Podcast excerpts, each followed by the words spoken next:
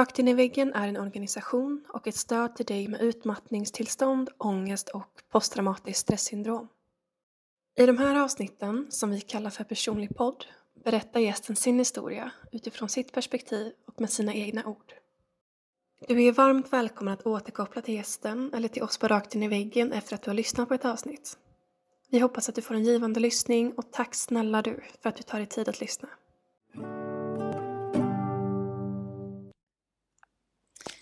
Hej!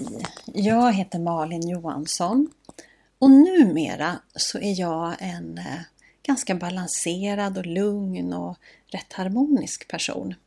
Men så har det inte varit alltid.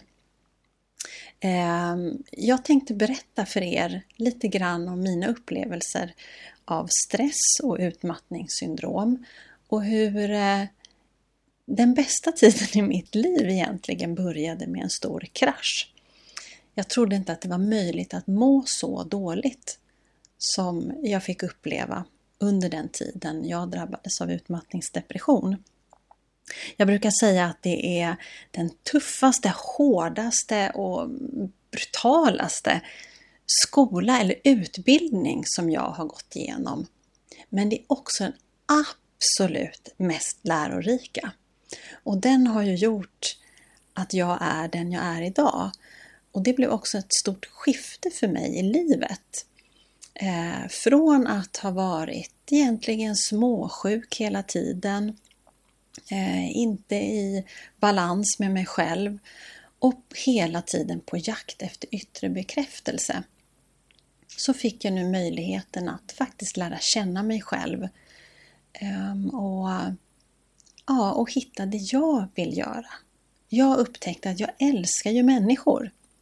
Jag älskar att jobba med människor och eh, jag har en stor andlig gåva som jag inte har utnyttjat.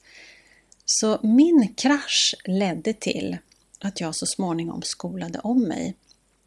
Att jag först utbildade mig till qigonginstruktör eh, och sen så har det fortsatt på den banan. Jag har utbildat mig till, till coach, till stresscoach och livscoach och jag jobbar med meditation och eh, med allt det där som hjälper en människa att hitta balans i livet.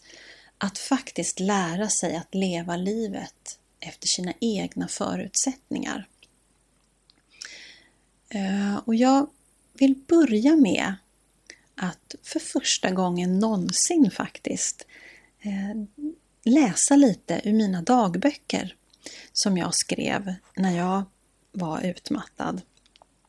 Det var ett utav eh, de redskapen jag använde och som jag kan varmt rekommendera till dig som känner att du behöver ett redskap.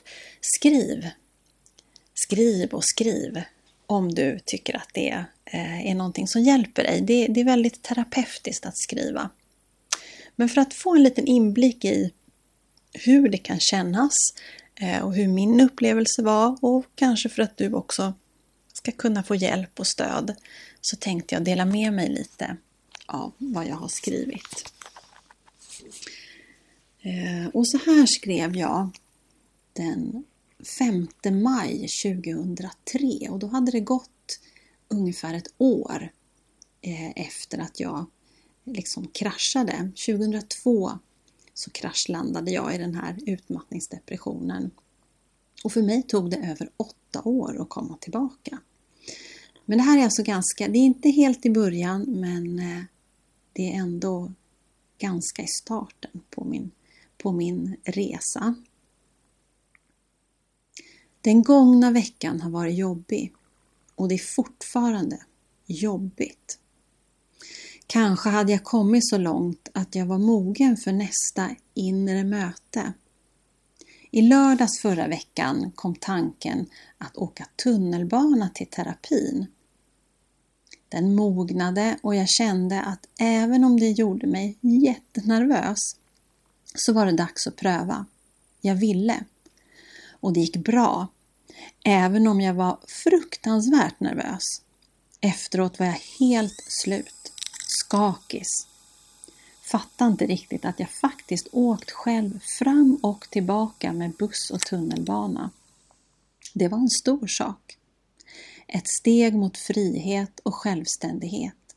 Ett steg mot frihet och friskhet. Jag kände mig stolt att jag vågade prova. Glad att det gick att genomföra. Men sen kom tisdagen och efter det pajade jag ihop. Ner i en grop. Ungefär som före julen. Oro, ont i bröstmusklerna, trött, ledsen, svårt att sova. Det är svårt att stå ut i allt det här obehaget. Den här gången är det den lilla Malin, hennes eller min oro och rädsla i förhållande till mamma och pappa som jag möter. Jag tror mig ha förstått det nu. Det gör ont och sitter djupt. Som en gammal torkad lera som kittat sig fast i bröstet. Hoppas, hoppas jag kan lösa upp den och bli ren. Ja, så skrev jag då. Och det här med att landa i en grop, att det går upp och ner, det tror jag att många känner igen sig i. För mig så kände jag att eh, jag landade kanske inte alltid i en grop utan ibland kändes det som en uttorkad djup brunn. Det var bara lite äcklig, slammig lera där nere. Och det gjorde förstås ont att landa där. Och det var ju i princip omöjligt att ta sig upp. Och det fanns ingen hjälp. Och det enda man ville, det var att ta sig därifrån för det var full panik att vara där nere i kylan och gegget och äcklet.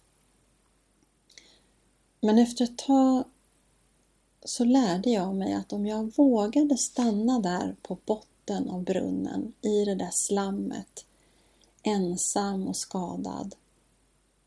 Om jag vågade stanna där och titta efter vad som fanns i slammet så fanns det alltid en gåva att hitta. Det var som att jag hittade en skatt där.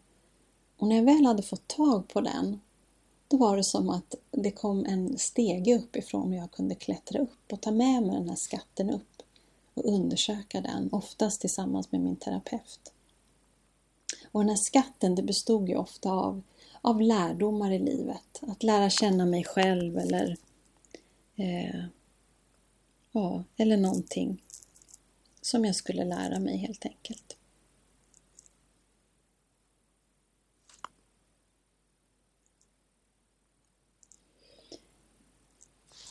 Jag tänkte att jag skulle läsa en bit till som handlar om just det här med att, att känna sig ensam och utsatt. För jag tänker att du också kanske kan känna igen dig i det. Rädd för ensamheten, utsattheten. För ensamhet är att känna mig utsatt och utlämnad. Helt ställd till mig själv. Och tänk om jag inte håller, inte klarar av. Vad händer då? Det känns som om jag då är förlorad. Faller handlöst, totalt utsatt för andras våld. Kommer de att sparka på mig när jag redan ligger? Kommer jag att dö ensam? Ingen som bryr sig, övergiven, utan hjälp. Jag är rädd för hjälplösheten. Den känns livshotande och jag känner en djup sorg över att ha blivit sviken. Ensamheten är ett svik, ett svek. Sviken, övergiven. Så rädd att gå under. Sviken av pappa, sviken av mamma, sviken av vännerna, i klassen. Till exempel den där gången på mellanstadiet i Gamla stan. När alla bara försvann. Vem kan man egentligen lita på? Vem kan jag lita på? Ingen. Tillit är en stor risk. Risk att bli utsatt för svek. Risk att bli skälld på. Bli skrämd. Risk att inte vara beredd inte förberedd på vad som kan ske och därmed utsatt för fara. För att jag eventuellt är försvarslös mot det som kommer. Det okända som kan drabba mig. Som kan betyda, eller kanske vara, helt livshotande. Eller? I alla fall så står jag öppen och det som träffar mig det kan gå rakt in i hjärtat. Det dödar inte fysiskt men det gör dödligt ont psykiskt.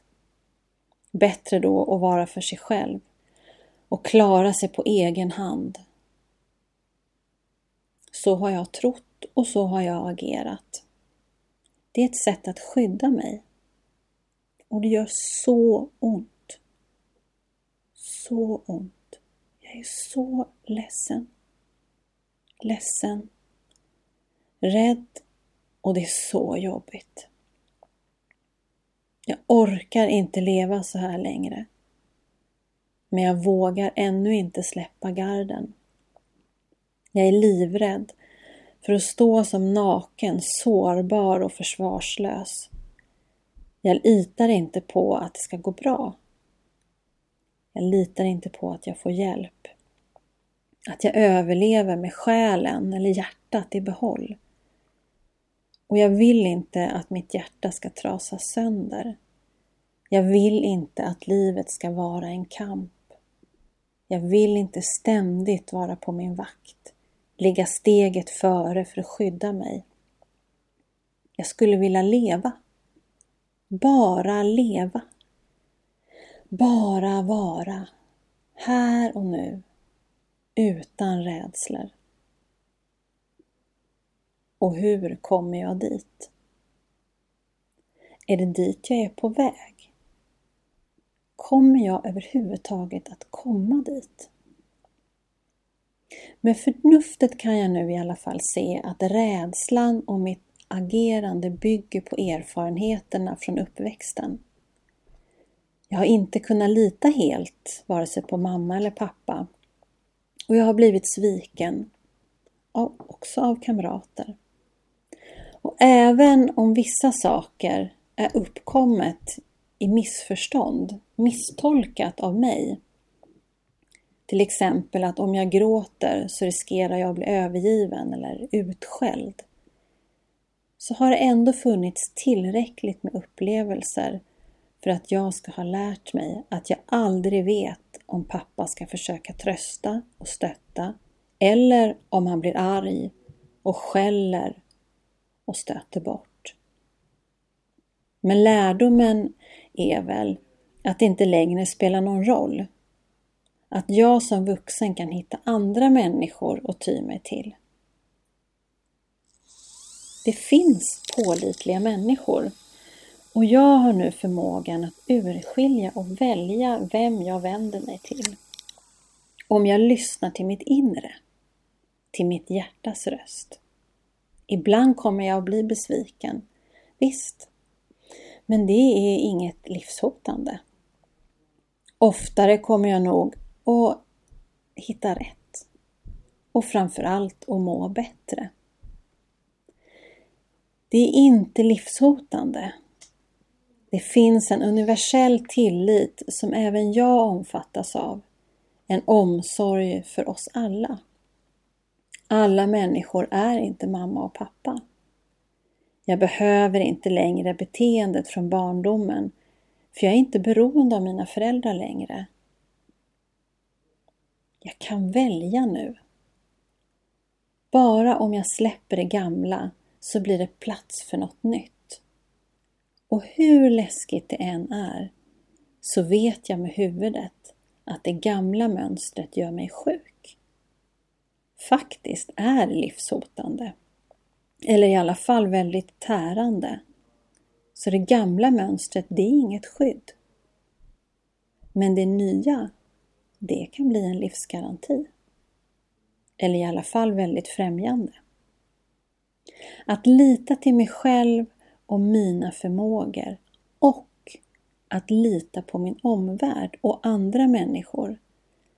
Lita på den kosmiska kraften som skyddar och leder mig rätt. Lita på att livets flod bär utan att jag behöver göra något. Lita till det goda. Ja, det här var stort för mig att möta rädslan och möta ensamheten och tvivlet och våga släppa taget om allt det här. Att istället faktiskt eh, träna mig i tillit.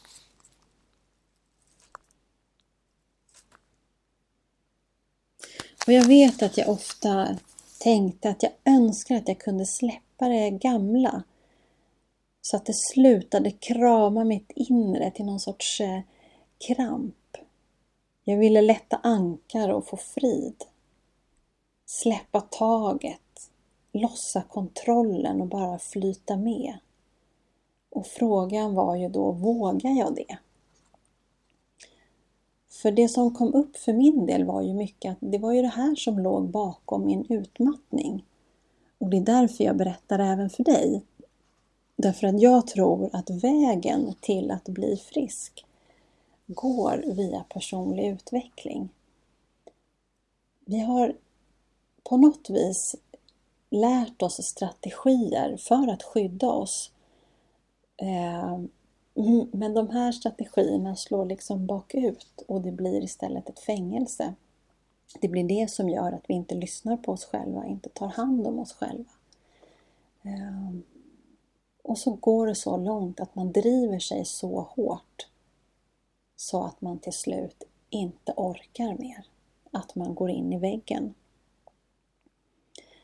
Det finns en eh, fin liten dikt som jag hittade på baksidan av ett vykort eh, med motiv från Anna Toresdotter som är från 1987. Och eh, jag vill dela med mig av den. Jag tycker att den är, den är väldigt träffande och bra. Det låter så här. Strömmen griper rodret och gåtans svar blir ännu en gåta. Men vägen inåt leder ut och genom att nå botten får ankaret sitt fäste. Och jag tänker att det här verkligen symboliserar vägen genom utmattningssyndrom. Att faktiskt, det blir många frågor och många saker att reda ut. Men det är först när vi går inåt, in i oss själva, det är när vi lyssnar på oss själva, det är då vi äntligen hittar ut. Det är när vi vågar nå botten som i den här brunnen. Det är då man får fäste och faktiskt kommer upp och kommer vidare någonstans.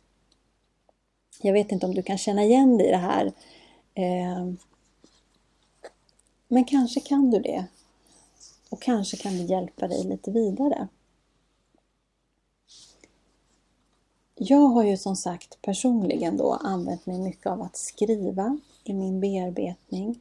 Jag använde också eh, mig av att rita. Jag liksom försökte få ut ångesten. Eh, för när man lägger den utanför sig och skapar en bild av den så blir det också någonting som man kan kommunicera med och förhålla sig till. Eh, och, och kanske också bearbeta på ett lättare sätt. Så det är ett bra tips, tänker jag. Att skriva, man kan skriva brev till sig själv eller till en del av sig själv. Man kan skriva brev till dem man är arg på eller ledsen på. Men det här är brev som aldrig ska skickas. Utan det är brev där du verkligen skriver från hjärtat. Eh, och som är till för dig och för att lösa upp dina känslor. För egentligen handlar ju ilska och sorg mycket om det som händer inuti oss.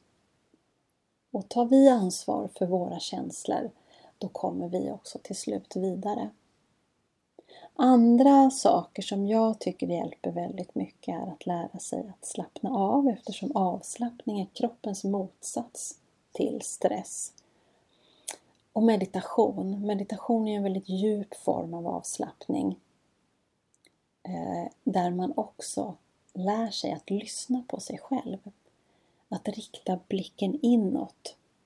Och det kan ju vara otäckt i början för att oftast har vi ju Eh, ägnat ett halvt liv eller kanske ett helt liv åt att inte känna efter och inte lyssna. Jag vet att jag tyckte att det blev lite som att ni vet, ta en läskflaska och skaka och sen skruvar man av korken. Allting bara svämmar över. Det var det värsta jag varit med om. Och är det så för dig också så kan det vara bra att, att ta hjälp i början. För det är överväldigande i början men, men det är inte alltid så. Utan man kan skruva av korken lite försiktigt, lite eh, när, när allting har lagt sig. Och meditation är ett fantastiskt redskap för att just rensa ut gammalt, för att få lugn, för att få ny energi och för att hitta frid inuti sig. Och eh, Ja, jag kanske ska dela med mig av ytterligare en sån här process som jag gick igenom där jag har skrivit och ritat. Eh, och det handlar om, om, hur, om sorgen och ilskan som jag hade mycket inom mig. Och hur jag transformerade den. För att man får inte fastna. Det, det är viktigt att känna på känslorna men du ska inte fastna i det. Utan du ska känna på känslan för att se vad var den ville lära mig och sen kunna släppa taget och gå vidare. Och ett sätt då kan ju vara till exempel att man ritar och skriver som jag berättade om. Nu är det svårt att eh, liksom förmedla det via, via att bara prata men eh, jag, jag, ska försöka ändå. Jag har, jag har tagit ett papper eh, och där har jag skrivit sorgen och ilskan. Och sen har jag ritat symboler för de här känslorna. Eh, och under symbolen så skrev jag helt enkelt det som kom till mig. Till exempel sorgen infekterar mitt hjärta, river och sliter. Att inte få vara den jag är, det är sorgen. Och ilskan gör ont, förbrukar kraft. Men är också kraft och spänning. Och ilskan föds ur sorgen. Ilskan är ett försvar. För mig var det att försöka försvara att vara jag. Och sen tog jag ett nytt papper. Och där står det med svarta bokstäver och massa rött överallt hit och dit så står det Inget blir som jag vill, fan! Jag ska minsann visa dem, hitta min väg, göra det i alla fall. Och det här är ju liksom den hemliga kampen som pågår inuti mig. När själen gråter och hjärtat kämpar. Hur mår jag då? Ilskan är kraften som får mig att orka. Utan ilskan så finns bara ett hav av trötthet, rädsla och sårbarhet. Utan ilskan så rämnar jag, går sönder. Då försvinner mitt jag. Så ilskan var ju för mig både en kraft som liksom åt upp mig men samtidigt nödvändig och ett försvar. Och jag tror att så här kanske du också kan känna att det kan finnas både och. Att det finns en sorg över att man känner att så ska jag inte vara. Andra dömer utifrån. Och ilska över att så får jag inte vara andra dömer utifrån. Men så finns ju glädjen också över att så kan jag vara. En möjlighet i mig själv. Den här är jag. Och det är när andra får bestämma, det är då det blir jobbigt att vara jag. när jag låter andra människor bestämma det. När andra blir de som kräver, hotar och begär. Jag vet att jag ofta kände fan för er. Låt mig vara som jag är. Lämna mig i fred. Jag var så arg. Det fanns så mycket ilska men bakom ilskan så fanns ju sorgen. Sorgen över att känna att jag inte duger att vara som jag är. Och både sorgen och ilskan satte sig i kroppen. Den satte sig i hjärtat och i musklerna. Och när jag insåg allt det här då kände jag att nu ska jag befria mig. För det är ju faktiskt jag som bestämmer det och jag som kan det. Och att jag alltid finns för mig själv. Att jag tillåter mig att vara den jag är oavsett vad andra tycker. Att det är jag som bestämmer vem jag är. Att jag är underbar. Att jag mår bra. Att det är jag som kan vara avslappnad. Och genom den här processen då, på det allra sista bladet där jag tecknade, där har färgerna gått ifrån svart och rött och hotfull till grönt, ett litet grönt, ulligt, mjukt moln. Och där står det trygghet, glädje och lugn. Och det var dit jag ville. Och det var kanske det som var min process. Att ta mig igenom det här. För när vi gör oss till offer, det gör vi ju aldrig medvetet, men det är då vi tappar kraften och det är då vi ger andra makten över oss själva. Och då är det så lätt att bli liksom energilös och förtvivlad. Men hur djupt du än känns som att du har kommit så finns det alltid hopp. Och jag tänker, kan jag så kan du. Och ta hjälp i den här vägen, det, det, är verkligen mitt råd. Ta hjälp av en stresscoach som jag själv till exempel, eller en samtalsterapeut eller eh, någon som du litar på. Gå en självhjälpsgrupp.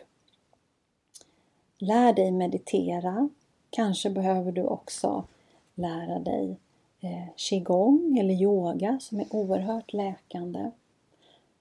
För vägen från den här kraftlösheten, ångesten, förtvivlan går ju via att lära känna oss själva och ta hand om oss själva.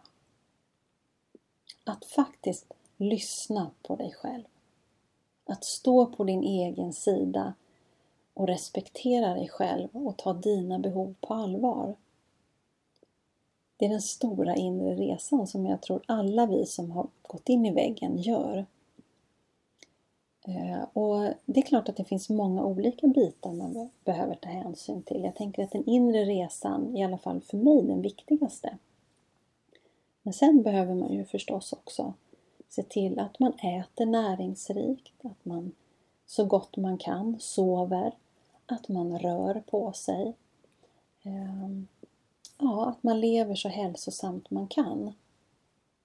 Men om jag ska ge dig ett enda tips så är det möt dig själv. Lyssna på dig själv. För då har du möjlighet att leva livet efter dina egna förutsättningar. Och när du lever livet efter dina förutsättningar, då kommer du att hitta harmoni, då kommer du att bli lycklig och då kommer du att klara av stormarna som livet bjuder på. Och här är ju, ja, återigen, meditation och för min del var det qigongen, men det kan vara andra rörelseformer eh, som tar hänsyn också till det själsliga. Fantastiska redskap för att stå stadigt när livet stormar runt omkring och för att inte trilla dit igen. Så ge inte upp. Det finns alltid hopp. Och ta hand om dig. Det är mitt budskap till dig. Tack för att du ville lyssna på mig och jag hoppas att jag har kunnat dela med mig så att du ska ha någon form av nytta av det här. Ehm, och att du har fått lite redskap eller åtminstone kanske impulser till hur du kan gå vidare och hur du kan ta hand om dig själv. Allt väl önskar jag. Tack för mig, säger Malin på Glada Sköldpaddan.